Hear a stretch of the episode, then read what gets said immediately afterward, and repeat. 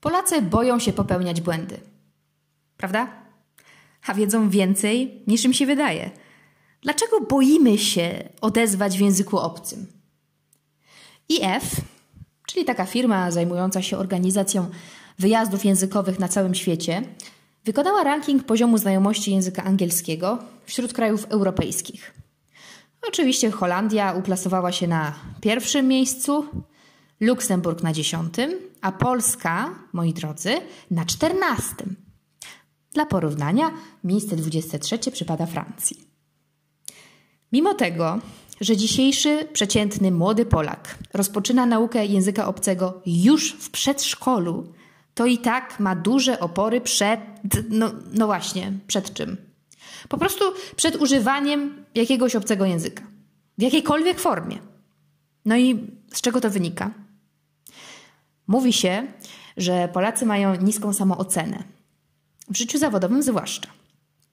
Samoocena jest nazywana poczuciem własnej godności. I to słowo, godność, ma tutaj wydźwięk nieco historyczno-kulturowy. Lata panowania totalitaryzmu, podczas których wmawiano generacjom Polaków, że to na przykład nie wolno się wychylać i każdy ma swoje miejsce w szeregu, nie wolno czuć, nie wolno myśleć inaczej niż nakazuje władza. Kojarzycie takie zdanie? Nie krytykuj, nie podskakuj, sieć na dupie i przytakuj. No i takim oto sposobem niska samoocena stała się elementem narodowego kompleksu niższości. Polacy wciąż leczą się z poczucia krzywdy, niesprawiedliwości, takiego wrażenia, że nie ma się żadnego wpływu na swoje życie. No i taka niska samoświadomość miała oczywiście za zadanie kreować jednostki podatne na manipulacje. No ale już jesteśmy za tym. Bardzo mi się spodobała ostatnio taka diagnoza Olinsa, brytyjskiego, nazwijmy go, konsultanta od e, brandingu, który podkreślał, że Polska musi zmienić swój wizerunek, bo y, by przedstawiał on rzeczywistość. Po prostu. Czyli wiecie, gościu obserwował, czytał, czytał o nas, prowadził badania wizerunkowe Polski za granicą, w kraju, konsultował się z różnymi ekspertami i stwierdził, że po prostu jesteśmy super tacy, jacy jesteśmy. No. Według Olinsa, y, tym, co charakteryzuje Polskę, są indywidualizm, stan permanentnej przebudowy i niedokończenia, współistnienie wielu skrajności oraz dwukierunkowość. Cytując Hereźniak, Polska czerpie swoją osobowość, siłę i niepowtarzalną witalność z bogactwa pozornie przeciwstawnych cech. Polacy są pełni pasji i idealistyczni, ale także praktyczni i zaradni. Polski charakter cechuje ambicja, ale też praktyczna przyziemność. I wiecie, czuję te słowa bardziej, mieszkając za granicą.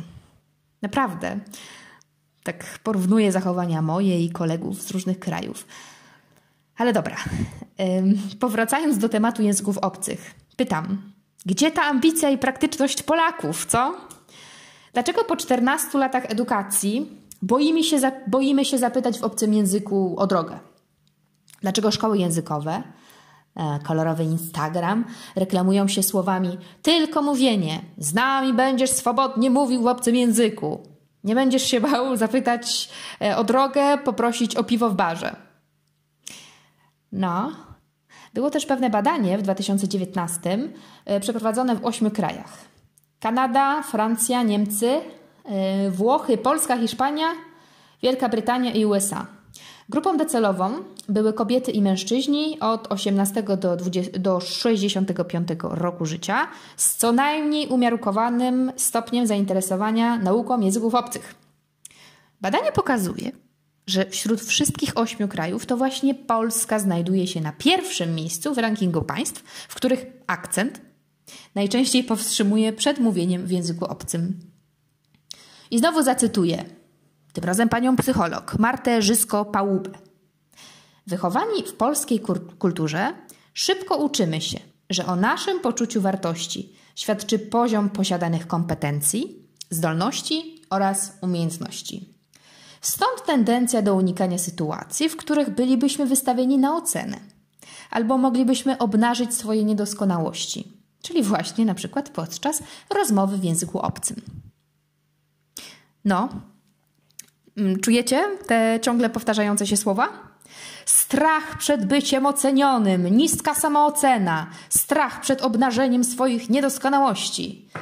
Doszło nawet do tego, że tak jak ostatnio zauważyła jedna nauczycielka francuskiego, internetowa, nauczyciele języków obcych boją mówić się w obcym języku publicznie.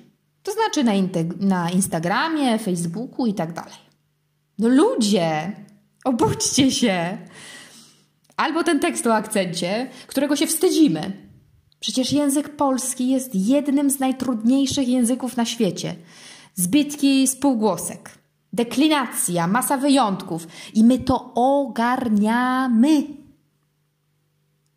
Może i świata nie zbawię, no ale spróbuję, żeby Was choć trochę zachęcić do otworzenia buzi w innym niż polski języku. Postanawiam nagrać serię podcastów po angielsku, francusku i hiszpańsku. Ja będę wyciskać siódme poty i chować dumę do kieszeni, prowadząc wywiady z moimi gośćmi. Nie jestem idealna, popełniam błędy. W tych trzech językach rozmawiam swobodnie. To znaczy, nie zacinam się, mówię płynnie i nie boję się popełnić błędu. I do tego też chcę Was zachęcić. Może, może taka seria Was do tego przekona. No i będziecie mieć okazję usłyszeć rodzimych użytkowników danych języków. Albo i nie, no bo y, mogę na przykład rozmawiać z Francuzem po angielsku i wtedy zobaczycie, co to znaczy zabawny akcent. Dzięki.